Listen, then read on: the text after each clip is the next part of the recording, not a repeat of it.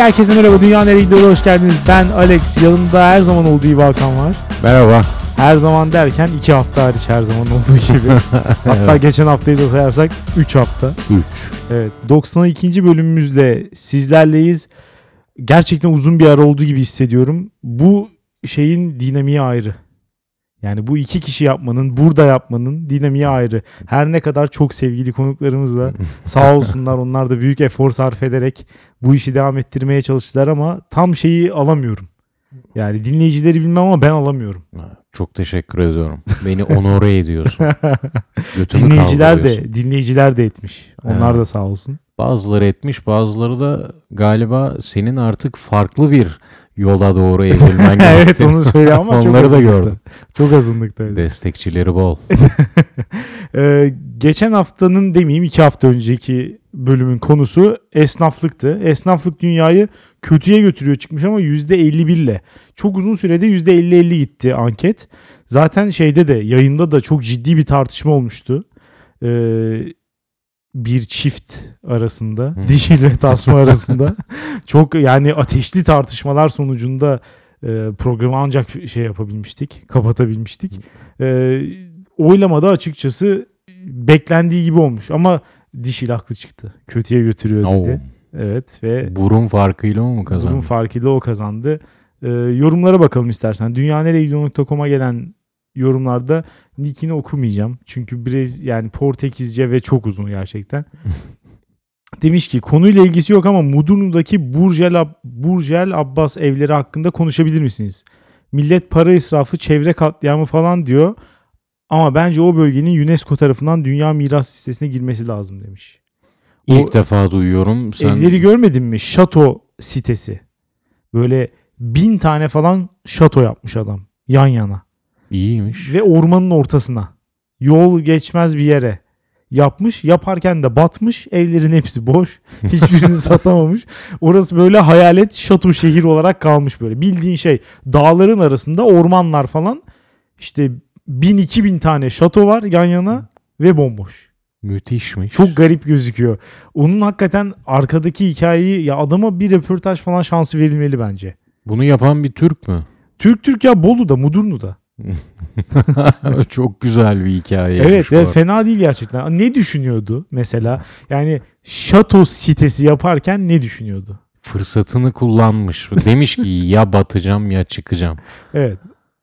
Gerçi Yani- o kadar parayı nereden buldu? Direkt ya o kadar param vardıysa zaten yukarıdaymışsın. Evet. Yani ya da nere- normal daha nereye çıkacaktın yani? Bilmiyorum. Ama işte evet. Tarihe geçmiş. Evet. Önemli olan bu. Para, pul, şöhret hepsini geçtim. Sanırım geriye kalan bu.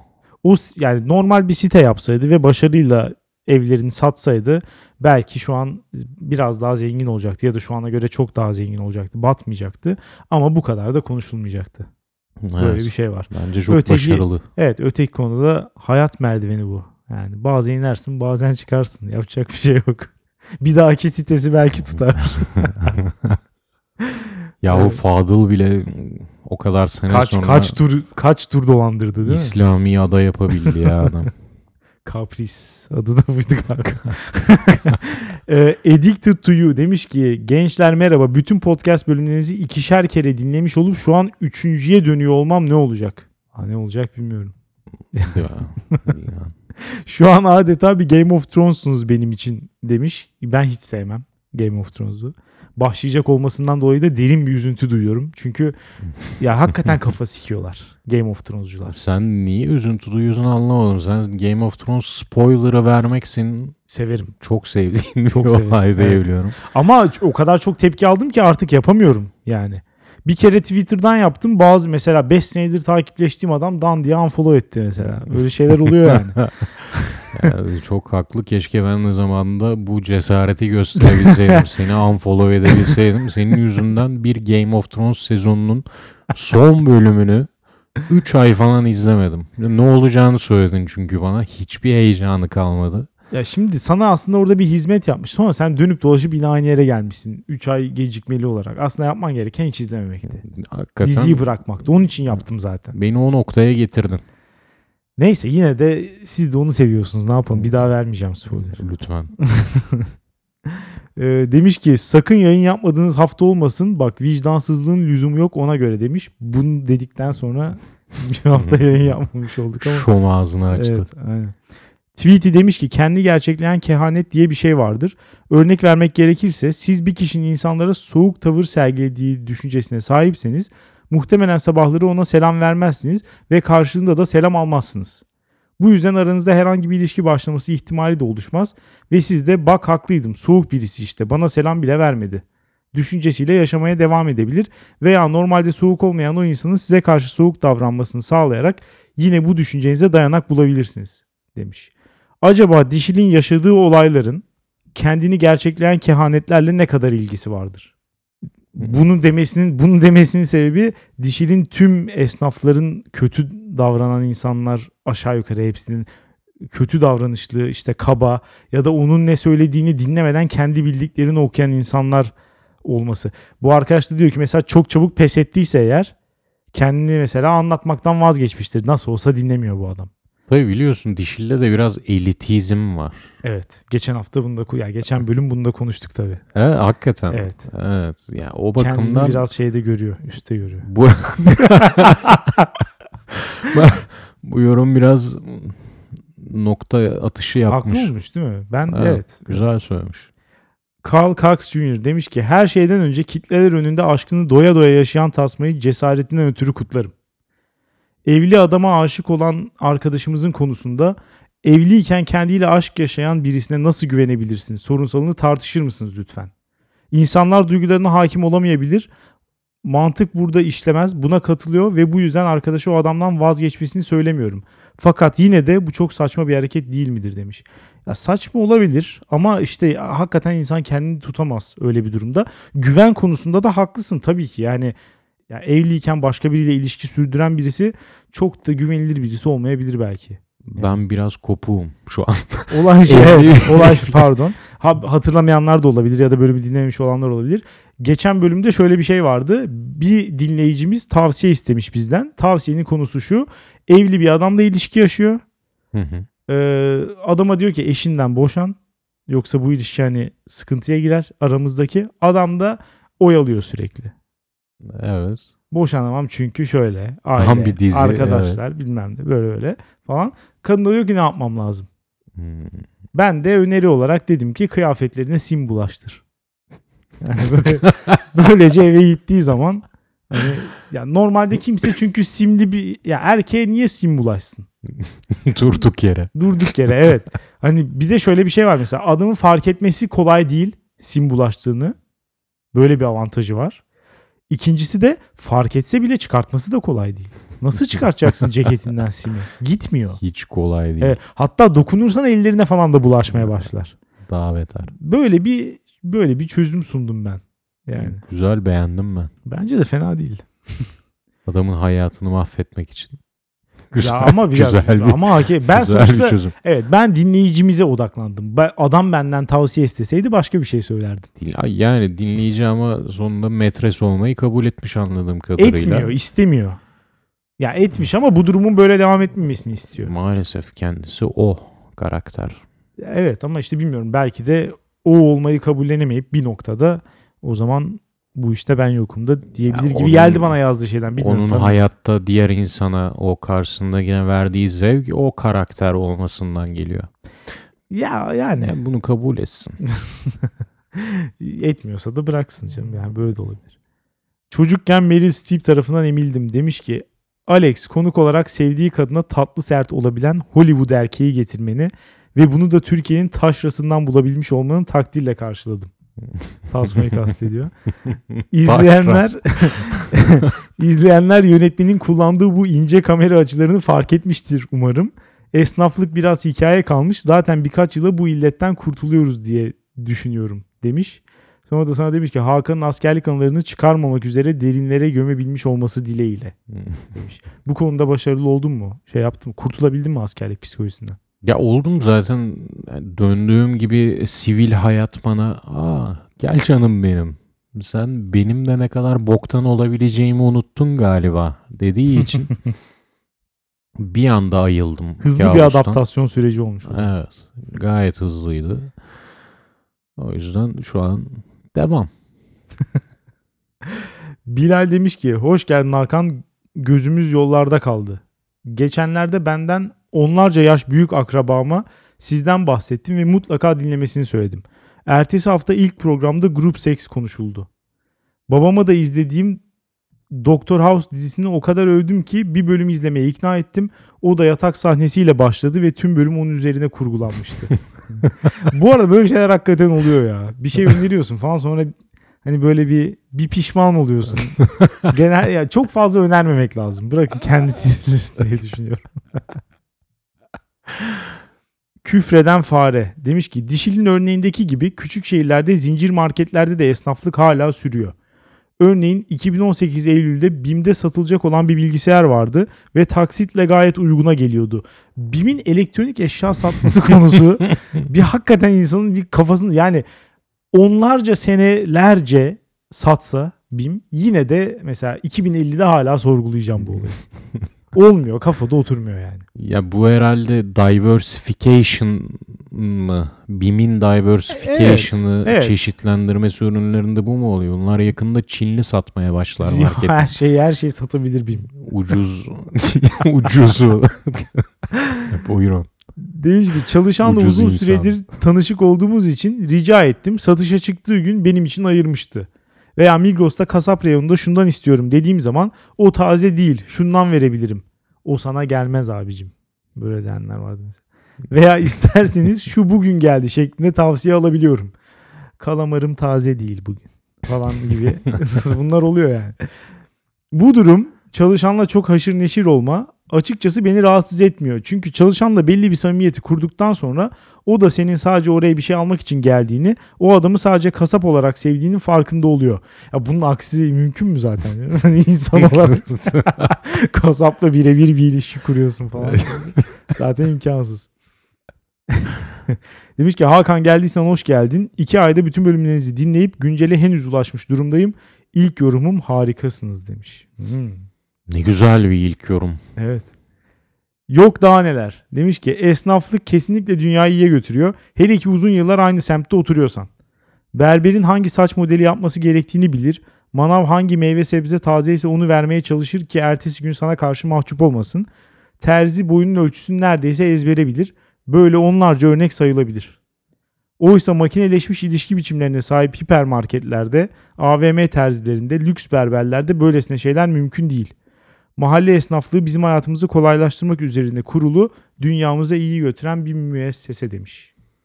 Bir yandan o anlattığı hayat da bana çok mekanize geldi ya. Kasap Herkes her şeyi şeyi biliyor, biliyor, evet. Yani biraz da sınırlandırıcı insanlar o sınırı aşma özgürlüğünü de istiyor farklı bir şey yaşama tabii. Bugün de başka bir şey an- istiyorum lan. Böyle diyeceğim mesela. Evet yani şu konuda da haklı. Maalesef hani şu anki alternatif bugün başka bir şey istiyorum lan sınırımı aşacağım dediğinde de karşına yine tek düze herkese aynı elbise geliyor.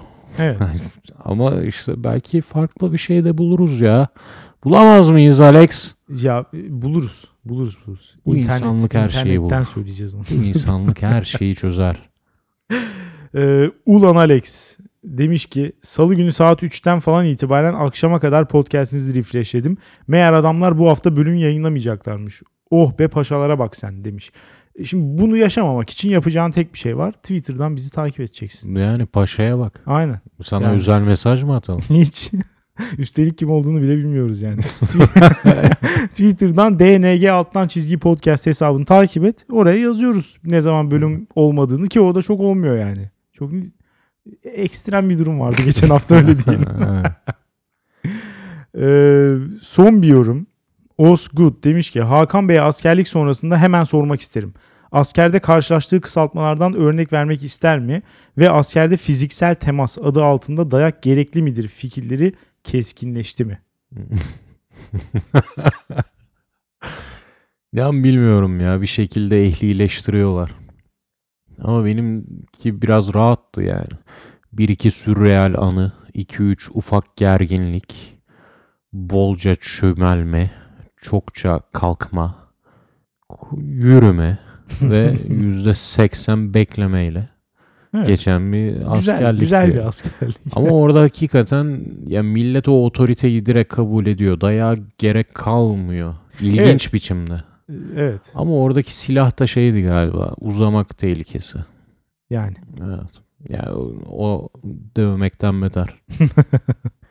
Öyle Kısaltma var mıydı? Askerlikte bayağı kısaltma var. hatırlamıyorum biliyor musun? Şeyler bile kısaltma değil mi?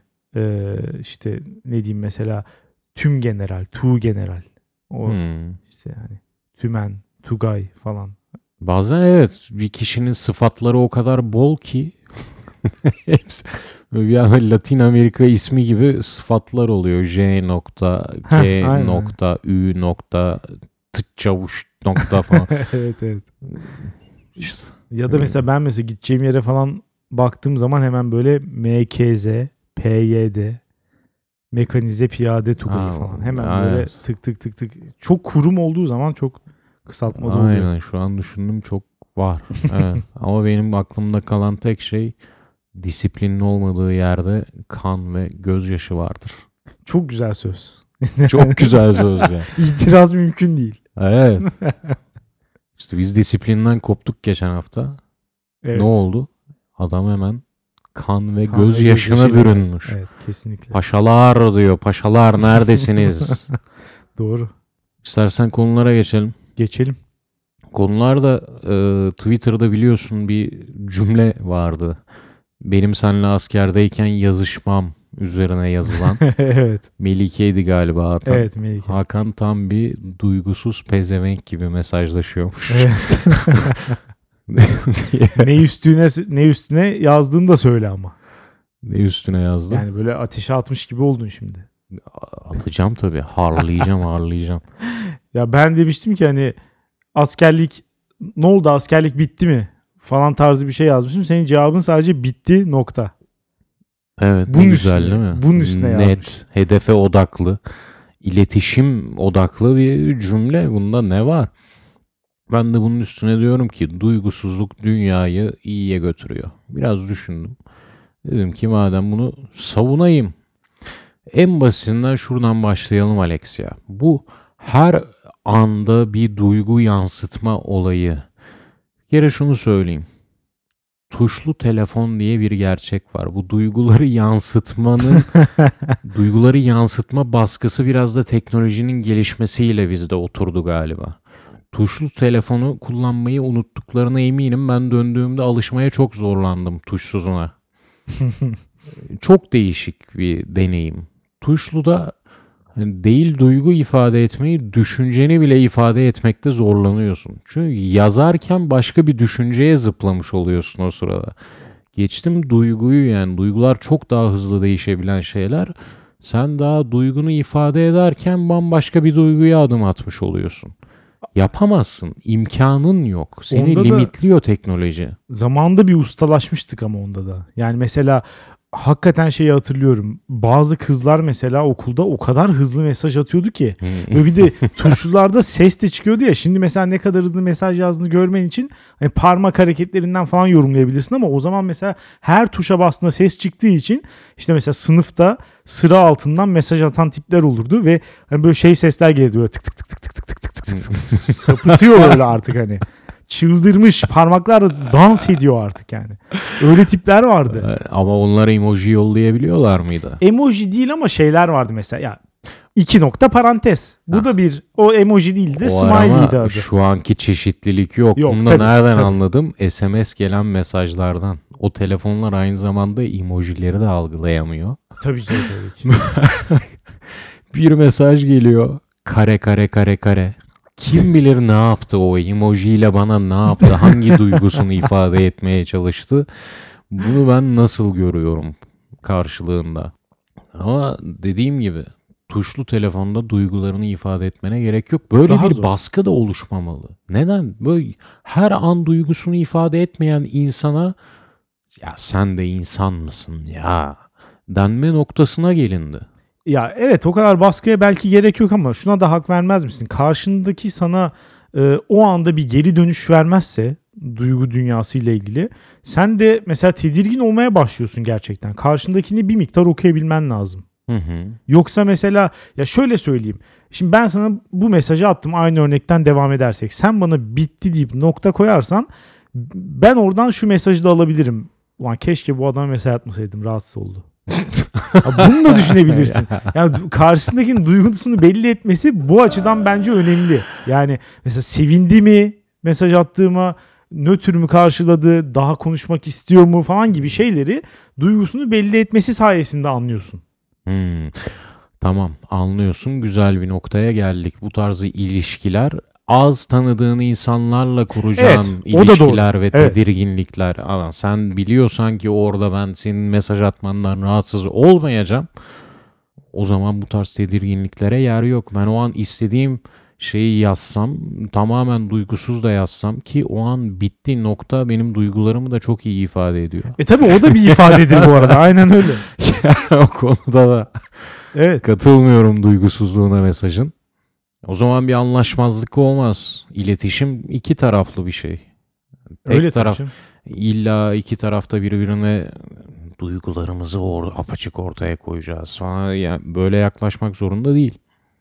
Yani ama e, peki saklamak ne işe yarıyor duygularını? Yani bilmiyorum. Hani bu konularda biraz daha rahat olmak her zaman sanki daha fazla işe yararmış gibi geliyor bana. Öteki türlü bir işte bilinmez bir ortama adım atıyorsun. Belki de mesela çok rahat çözülebilecek şeyler. Hı hı. işte iki taraftan bir tanesinin veya ikisinin birden duygularını belli etmemesi sebebiyle e, bir çıkmaza doğru gidiyor. Mesela şey bölümünde de e, buna benzer bir şey konuşmuştuk. Hani yüzleşme kültürü. Evet. Yani mesela bu pasif agresifliğe de gider. Bazen de mesela sinirlendiğini o da bir duygu. Sinirlendiğini de belli etmen gerekir. Evet. Onu mesela belli etmemeye çalışarak abuk subuk hareketler yaparsan mesela sinirini belli etmen daha iyi olur artık. Ya keşke hani bana öfkelendiysen öfkelendim de. Abuk subuk hareketler yapma. Bana da öyle geliyor ki o pasif agresiflik daha bir duygu belirtmesi. Diğerinde düşünceni belli edebilirsin. Ya bu olayı konuşacağız. Böyle de bir açıklık yaşayabilirsin. Ama duygularını fazla belli ettikçe belki o olayın çözümüne de o olayın rahatça konuşulmasına da engel olabilirsin. Böyle bir laf vardır ya Türkler çok duygusal insanlar falan. Evet. Ya bu biraz da hani kötü bir şey değil mi yani? Bundan gurur duymak artık nereye kadar fazla duygusal falan. Yani e, bilmiyorum genel ama bazen de mesela e, şey olarak da kullanılıyor. Mesela profesyonelliğin tersi olarak da duygusallık kullanılabiliyor ya. Evet ya en O zaman basit da kötü şey yapılıyor. dikotomi zaten duygularla rasyonellik arasındadır değil mi? Evet. Niye böyle fazla duygularımızı ön plana çıkartıp ya diğer tarafta bizim biraz eksiğimiz var ama biz de o zeytinyağlı tabağını koyduk mu onun üzerine ne rakı tokuştururuz falan. Evet Ya o daha böyle böyle bir şeye gidiyor. Vıcık böyle- vıcık bir samimiyet bu şeyi edebiyatına gidiyor. Evet. Hani şey olmayabiliriz ama biz de adamız falan tarzı bir şey. Yani biz de adam gibi adam biz delikanlı milletiz falan. Ona gidiyor gerçekten yani. Onun ya da kadın versiyonlarına gidiyor. Ha. Ee, Ya ve ben sana diyeyim Alex ben sana bir hikaye anlatayım. Duygusuzluk, duygusuz bir insana dair. Onlu yaşlarımın ortasındayım. hmm. Şaşırdın mı? ya niye mi? Onlu yaşlarımın ortasındayım niye diyemiyoruz? Bir de bilmiyorum biraz Söylerken yani. garipsedim yani. Böyle 20'li 30'lı Evet. 40'ları olurdun. Ya ben onun yaşlarımın ortasını hani ortası diye tespit edecek kadar hatırlayamıyorum. O yüzden biraz şaşırdım açıkçası. ben, bana da şey gibi ya, ya böyle hani o zamanlar okul çağı ya hep. Hani Evet. zamanı tam şey yapabiliyorsun. Evet bazen de şey diyebiliyorsun cidden. Lise 3'teydim falan. Aynen. Dan diye öyle geliyor. daha bir rahat hatırlıyor. evet. Ya da belki hani o yaşlarda kayda değer hiçbir bok yapmadığın Yapma, için aynen öyle insanlar abi, evet. böyle onlu yaşlarım falan demeye utanıyorlar. Bilmiyorum. Ama burada bir basketbol sahasındayız. Hı hı. Maç yapıyoruz. Çift pota. Yani tam sağa gidip gelmemiz gerekiyor. Evet. Ben tam aldım topu, hücuma kalktım, gidiyorum. Arkadan biri karşı takımdan mola mola mola diye diye Hı hı. böyle bir ses gelmeye başladı. Bir yandan da döndüm eliyle mola işareti yapıyor basketteki. Hı hı. Sonra dedim herhalde sakatlandı falan yani. Yani Ciddi bir durum var herhalde. Durdum doğal olarak. Tam rahat sayıya gideceğim zaman.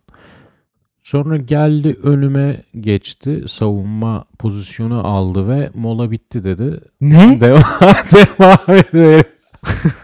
Ya gerçekten hayatımda daha onursuz bir hareket görmedim ya. Şu an burada suçlu Evet. sensin. Alex. Durduğun için suçlu sensin şu an. Ben şaşkınlık içindeyim. Çünkü duygusal davranıyorum. Duygusal olarak onu anlamaya çalışıyorum. Bir insan böyle bir şeyi niye yapar diye. Halbuki karşımda tamamıyla fonksiyonel, tamamıyla duygusuz ve şu an eminim ki büyük bir şirkette büyük bir pozisyonda yönetici bir insan var. Duygusuzluk dünyayı iyiye götürüyor Alex. Ama Bu şimdi- insan eminim ki şu an çok başarılı. Olayı tersine de çevirebiliriz şimdi mesela. Onun yaptığı tamamen duygusal bir hareket de olabilir. Oradaki mesela aşağılanmayı bile göze alarak sadece bir tane sayıyı kurtarmak için duygularını bir kenara bırakıp mesela mola demiş. Du- Sa- bir sayı duygularını kurtarmak bir kenara için. bıraktığı kesin. Duy- Pardon, kazanmak, o- o kazanmak, kısmını. kazanmaya da bir duygu diyemeyiz. Belki kazanmak Mesela rasyonel bir hırs bir, tercih. hırs bir duygu değil midir? Ama işte o zaman bokunu çıkarız. E Her işte şey yani. duyguya gider. Ya da mesela senin verdiğin de nispeten daha duygusal değil, rasyonel bir karar da olabilir. Çünkü mesela baktığın zaman hani bir sayı bir sayı atmak mı o maçta daha önemli bir şey yoksa bir insan sağlığı mı önemli? Mesela mola diyorsa sen ondan çekilmişsin diyelim ki. Burada mesela rasyonel düşünce sana bunu emredebilir. Durmayı emredebilir. Halbuki Hmm. onun yaptığı gerçekten tam bir işte kaybeden olmanın verdiği duygusallıkla da olabilir gerçekten. Mesela Bilmiyorum pozisyonunu kaybetti. suratındaki yavşak panikle- ifadeyi gördüğümde hiç öyle bir hiç öyle bir şey hatırlamıyorum yani. Tamamen "Eh, seni kandırdım seni kahrolası piç. Böyle bir ifadeyle bir, bir yavşak ifadeyle geldi. Olabilir. Ya ben genelde şunu görüyorum aslında. Onu yani bütün bunları söylememin sebebi buraya bağlamaktı. Bazı durumlara göre bazı hisler duygusallık olarak kodlanıyor. Hı hı. Bazıları da aslında onları onlar da duygular ama onlar duygusallık olarak kodlanmıyor. Evet. Tüm rasyonellik duyguları da barındırmak zorunda diyorsun. Evet kesinlikle. Rasyonellik duygulardan çıkıyor biraz da diyorsun. Yani evet o da var içinde zaten. Ama mesela bazı durumlarda sadece örneğin negatif duygular duygusallık olarak görülüyor. Hı hı. Mesela çok duygusal biri dediğinde işte mesela çabuk kırılabilen, işte nispeten daha naif, işte ağlayan, sızlayan falan böyle birisini düşünüyorsun bazı durumlarda. Bazı şeylerde de mesela ne bileyim daha hani etrafındakilerin neşesine önem veren falan bir tip gibi geliyor daha duygusal deyince. Yavşak Yani mı demek olabilir. Evet. Olabilir. ya bilmiyorum bu EQ Hani duygunun ne olup ne olmadığı Ha, çok şey çok yapıyor. belirsiz. evet çok kaygan bir zemin burası. Ama bu EQ falan çıktı. Hı hı. Duygusal zeka, mertlik bozuldu. O- Ona kesinlikle katılıyorum. Bu az önceki adam da eminim ki duyguları iyi manipüle etmesini biliyen bir insan. Mesela dediğin gibi benim duygularımı manipüle etti. Etti kesinlikle. Sakatlandığını düşündüm ve durdum.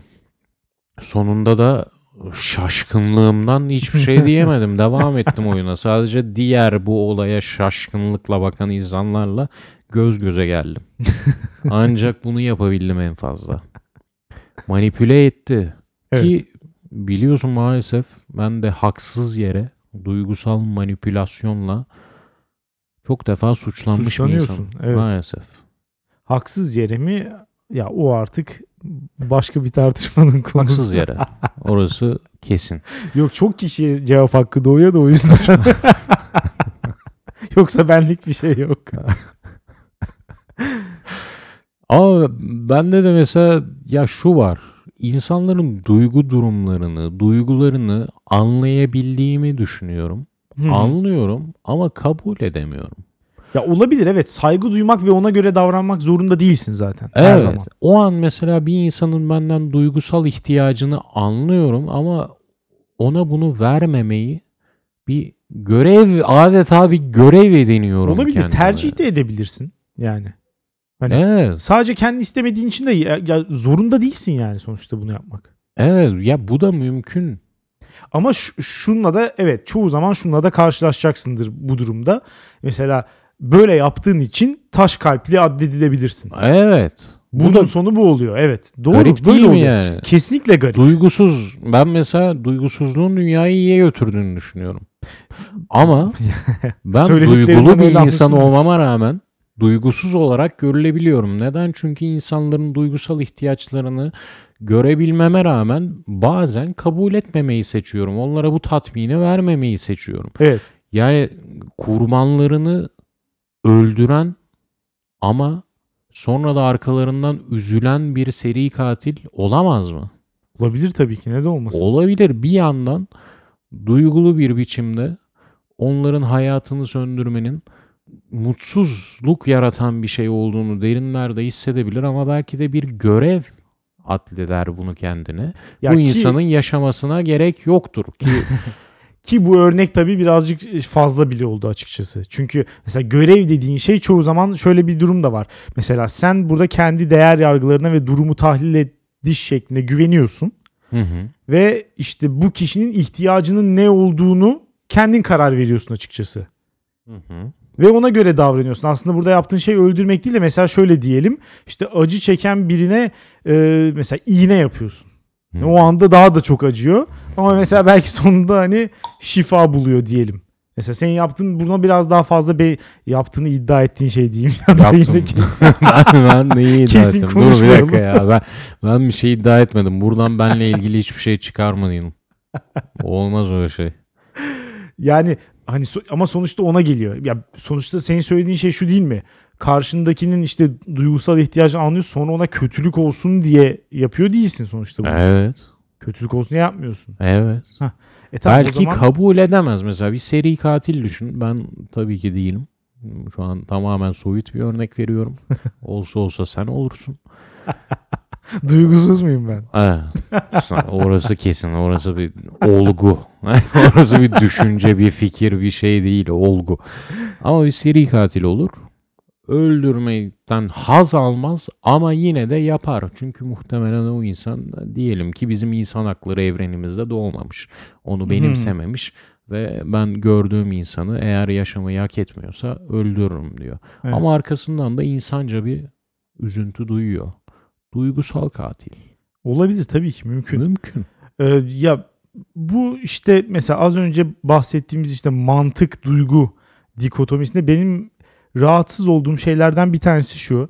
Karar alma süreçlerinde mantık bence gereksiz fazla yüceltiliyor. Hmm. Ben buna inanıyorum. Yani her zaman sanki çok hani e, bir kere şurada bir hata var bence zaten. Karar alma sürecinin tamamen rasyonelize edilebileceği sanrısı. Evet. Böyle bir şey bence mümkün değil. Tamamen objektifleştiremezsin. Yani istediğin kadar liste yap.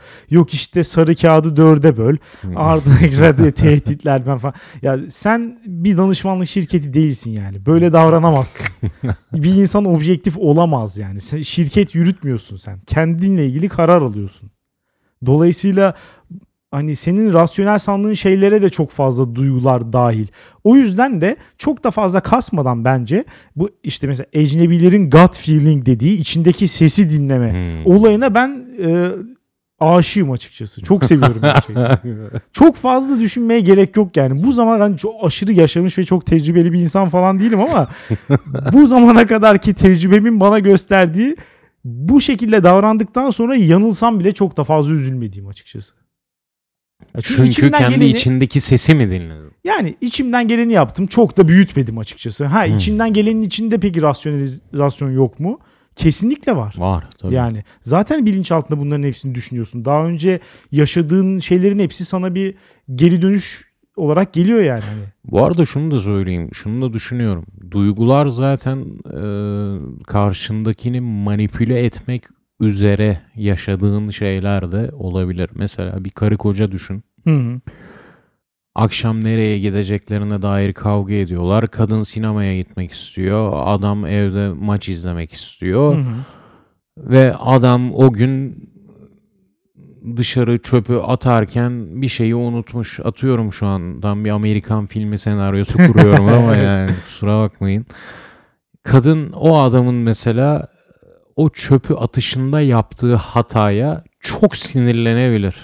Evet. Neden? Çünkü sonra sinemaya mı maç izleme mi konusunda bir e, leverage, bir Koz üstün kazanacak. evet bir koz kazanmak uğruna Doğru bunlar oluyor. bu tarz duygusal manipülasyonlar hayata egemen.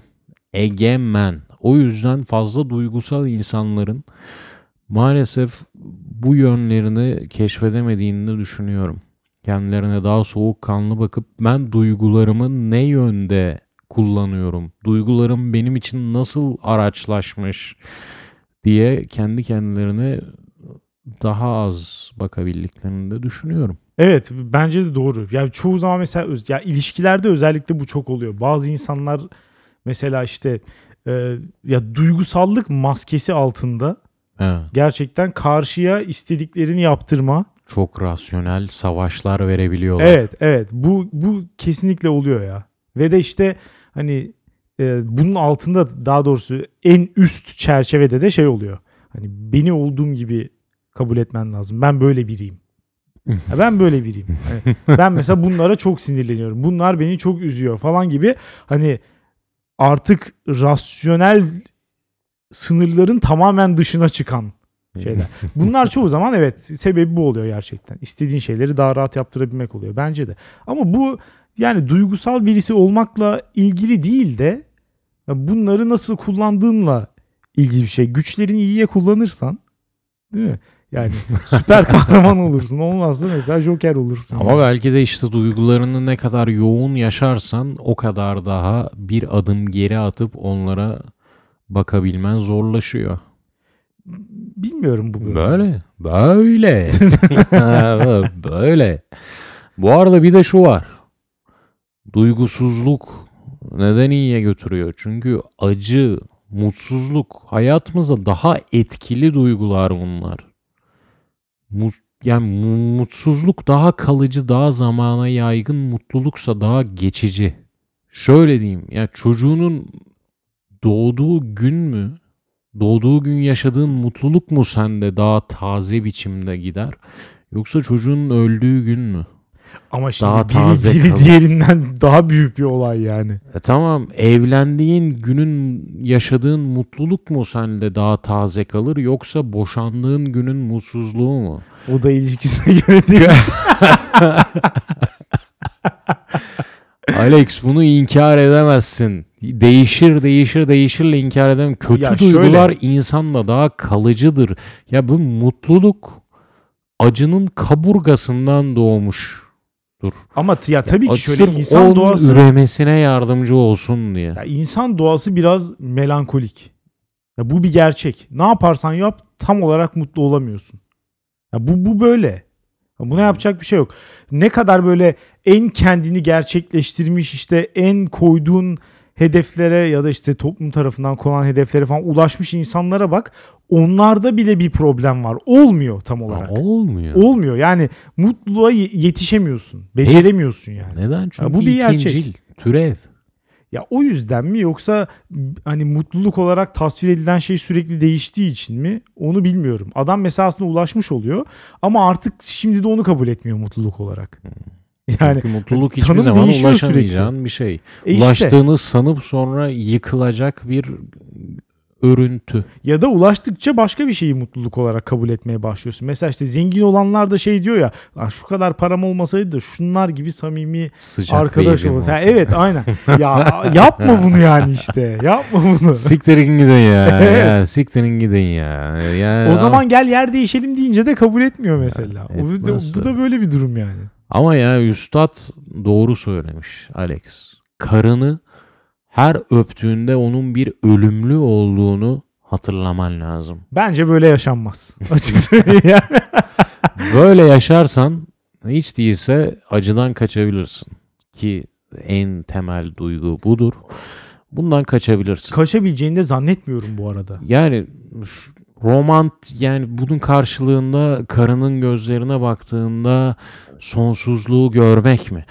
Böyle mi kuracağız dikotomiyi? Böyle mi kuracağız ikilemi?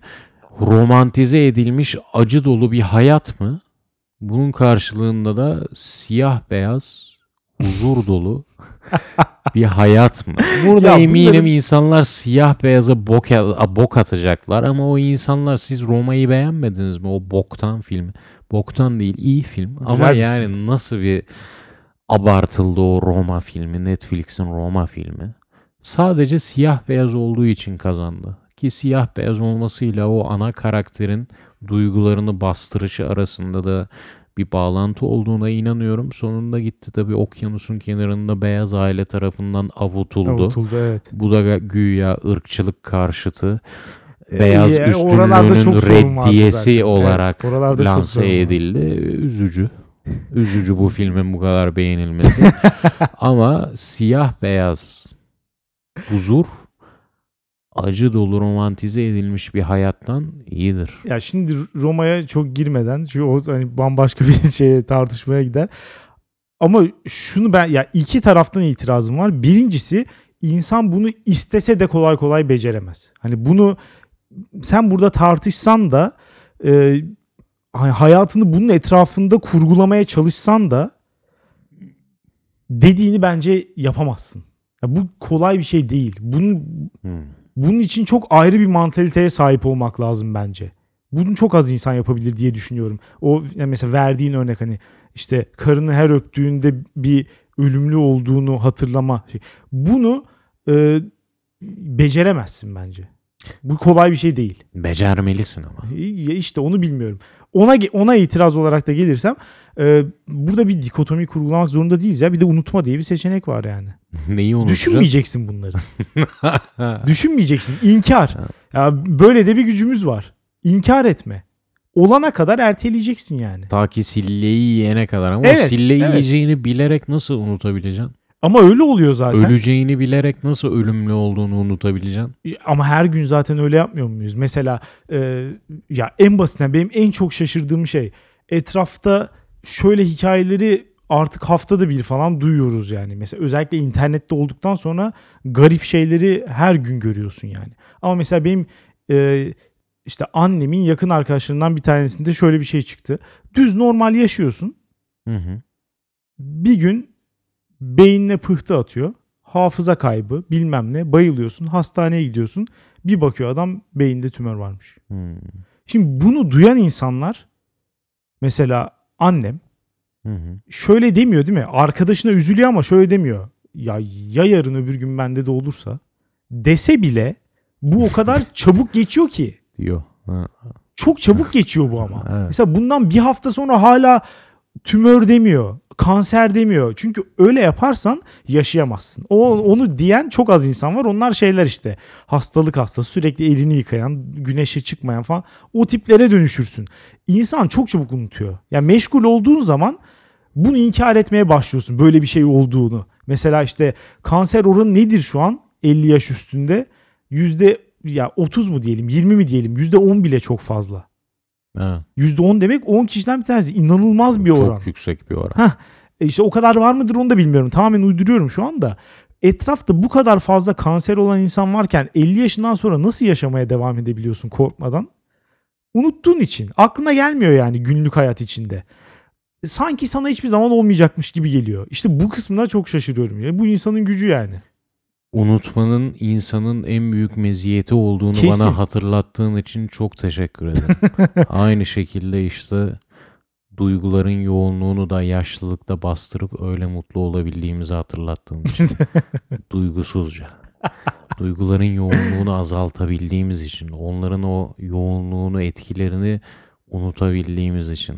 etkisini yö- yönetmek konusunda kesinlikle katılıyorum ama e, bununla duygusuz olmak aynı şey değil. Yani Bu arada ben de annemden bir örnek vereyim. tabii. şunu söyleyerek yani hakikaten biz de duygusuzluğa teşvik ediyoruz. Biz de aslında duygusuzluğu kovalıyoruz. Benim annem mesela biri öldüğünde telefonu açıp her zaman şunu diyor ya. Çok güzel gitti. evet tabii ölümün böyle bir rasyonizasyonu var. Çok güzel gitti. Hiç üzülmeyin. Müthiş gitti. İnşallah hepimize Allah Evet. kısmet eder de böyle gideriz. Ya bu ne demek? Bu, Bu inanılmaz bir şey. bu gerçekten. duygusuzluğa teşvik demek. Yani şu an sen hiçbir üzüntü duyma çünkü çok güzel ya. Ya çünkü onu arzu ediyoruz aslında. O duygusuzluğa kavuşmak istiyoruz. Bu var içimizde. Ya çünkü ya orada ön kabul şu. Sen büyük bir yıkıma uğrayacaksın. Bari bunu biraz hafifleteyim. Mesela aynı şekilde belli bir miktar yaşın üstüne gelip hasta olan insanlarda her zaman ne denir? Ya buradan sonra artık çekecekti. Çekeceğine, çektireceğine öldü. Böyle dersin değil mi? Mesela hani yatıyor, acı çekiyor falan. Bunun yerine mesela aslında çok da kötü olmadı. Düşüncesi bu. Ya ölmesi yaşamasından iyiydi düşünce. Mesela bu da biraz şey hani çok rasyonel, çok Ya, duygusuz bir yaklaşım ama Bilmiyorum. insanların bunu yapmasının sebebi ya hani mahvoluyorsun o sırada. Örneğin annen öldü Hı hı. ama 85 yaşında yerinden kalkamayıp günde işte 3 kere bilmem ne ilacı alıp yatakta kıvranıyordu yani artık. Ya da mesela Alzheimer oldu herkesi unuttu. Bak hala duygusuzluğa teşvik ediyorsun evet. Onu Anlıyorum, benim anlıyorum. annem olduğunu unutturmaya çalışıyorsun değil mi? Annemin yok olduğunu dünyadan sonsuza kadar unutturmaya çalışıyorsun. İşte öyle yapıyorlar İşte tabii ki. beni duygusuzluğa teşvik ediyorsun. Bu içimizde var. Duygusuzluk bu duygu değil var. de bu Ya bunun bir de duygu bazıları yönetme bence. Hayır, bu bazıları çıkabilir der, der ki siz negatif duygular için konuşuyorsunuz. Pozitif duygular için böyle bir şey yok. Yahu şu deyim nereden çıktı o zaman? Çok güllük ağlayacağız kesin. Biraz durun. Hep bir durdurmaya çalışıyorsun. E tabii Hep bir- engellemek istiyorsun yani. Evet, duygusuzluğa doğru gitmek istiyoruz aslında.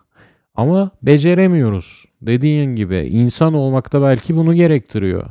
Beceremiyorsun. Ya evet Ama- bunun çok mümkün olduğunu zannetmiyorum. Spock şerefsiz Mr.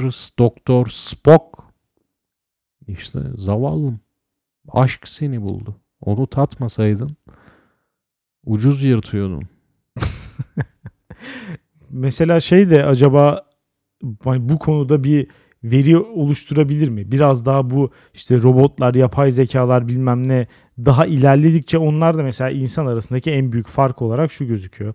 Ee, işte hani mantık örgüsünü oluşturabiliyoruz, kodlayabiliyoruz aşağı yukarı ama insanda olup orada taklit edemediğimiz şeyler var.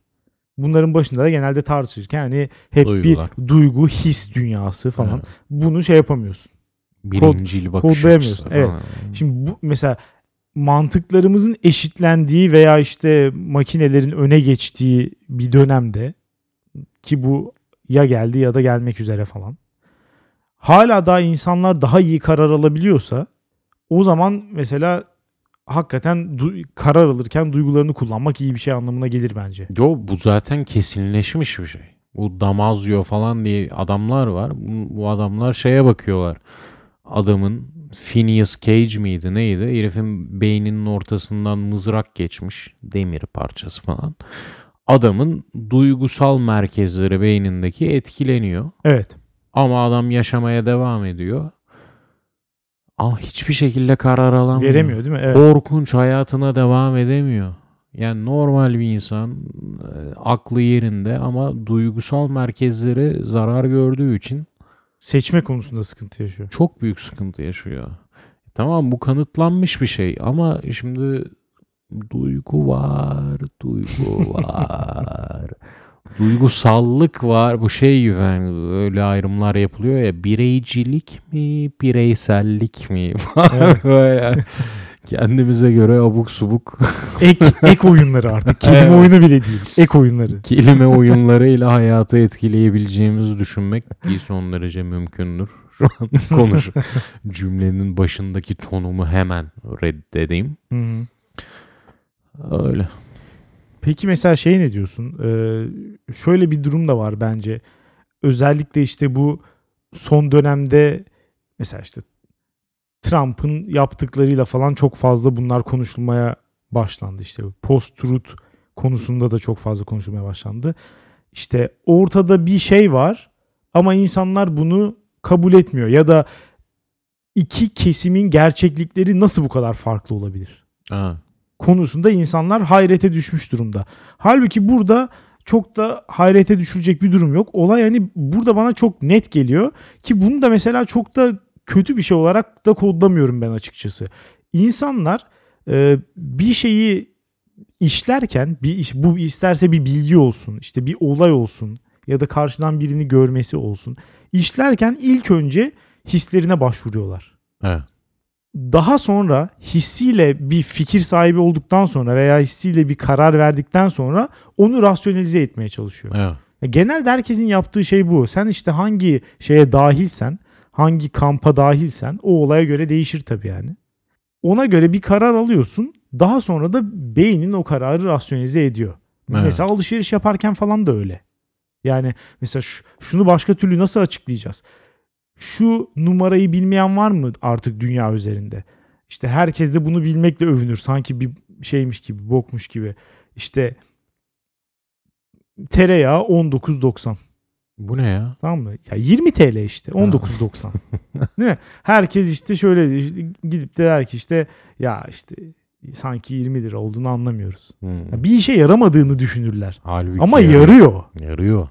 Yarıyor yani çünkü onu işte sen istediğin kadar rasyonel olduğunu iddia et. Öyle bir beynin o kadar güçlü değil yani. 20.01 19.99'dan katrilyonlarca Fazla. para daha fazla. Evet yani bunu bunu engelleyemiyorsun yani. İnsan beyni bu noktalarda birazcık aciz. Bunu da hani keşfetmişler. Bunu da kullanıyorlar. Ya da işte mesela yine bu programda daha önce söylemiştim diye hatırlıyorum. Çok tutan jingle'lar. Bana aciz hissettiriyor. yani hani şunu düşünmek istemiyorum gerçekten. A101 harca harca bitmez şarkısını istemiyorum düşünmek ama olmuyor. Olmuyor yani atamıyorsun kafandan ve A101'e gitmek istiyorsun. Yani bu hakikaten becerebileceğim bir şey değil. Sınır sınırların bu kadar ya da en azından şöyle belki de ben geri zekalıyım. benim benim sınırlarım bu kadar. Ben bunun dışına çıkamıyorum yani olmuyor. Ay, İnşallah inşallah bir gün bu zaaflarımızı yenecek duygulara sahip olabiliriz diye. Güzel bu da fena değil. Böyle bitireceğim ama duygusuzluk iyiye götürüyor dediğim için. Şu an e, böyle demeyeceğim. İnşallah. bir şey demeyeceğim ya. Sen bir şey demeyeceksin ben de bir şey demeyeceğim ama bakalım dinleyicilerimiz ne diyecek? dünyanereyegidiyor.com'dan konuyla ilgili ve programla ilgili ya da Hakan'ın geri dönüşüyle ilgili neyle ilgili ya da duygusuz bir pezevenk olmasıyla ilgili hangi konuyla olursa olsun bir e, yorumunuzu bekliyoruz. Aynı zamanda anketimize de oradan katılabilirsiniz. E, Hakan geri döndüğün için çok mutluyum. Ben teşekkür ederim. Geri döndüm. Bizi dinlediğiniz için teşekkür ederiz. Haftaya salı görüşürüz. Güle güle.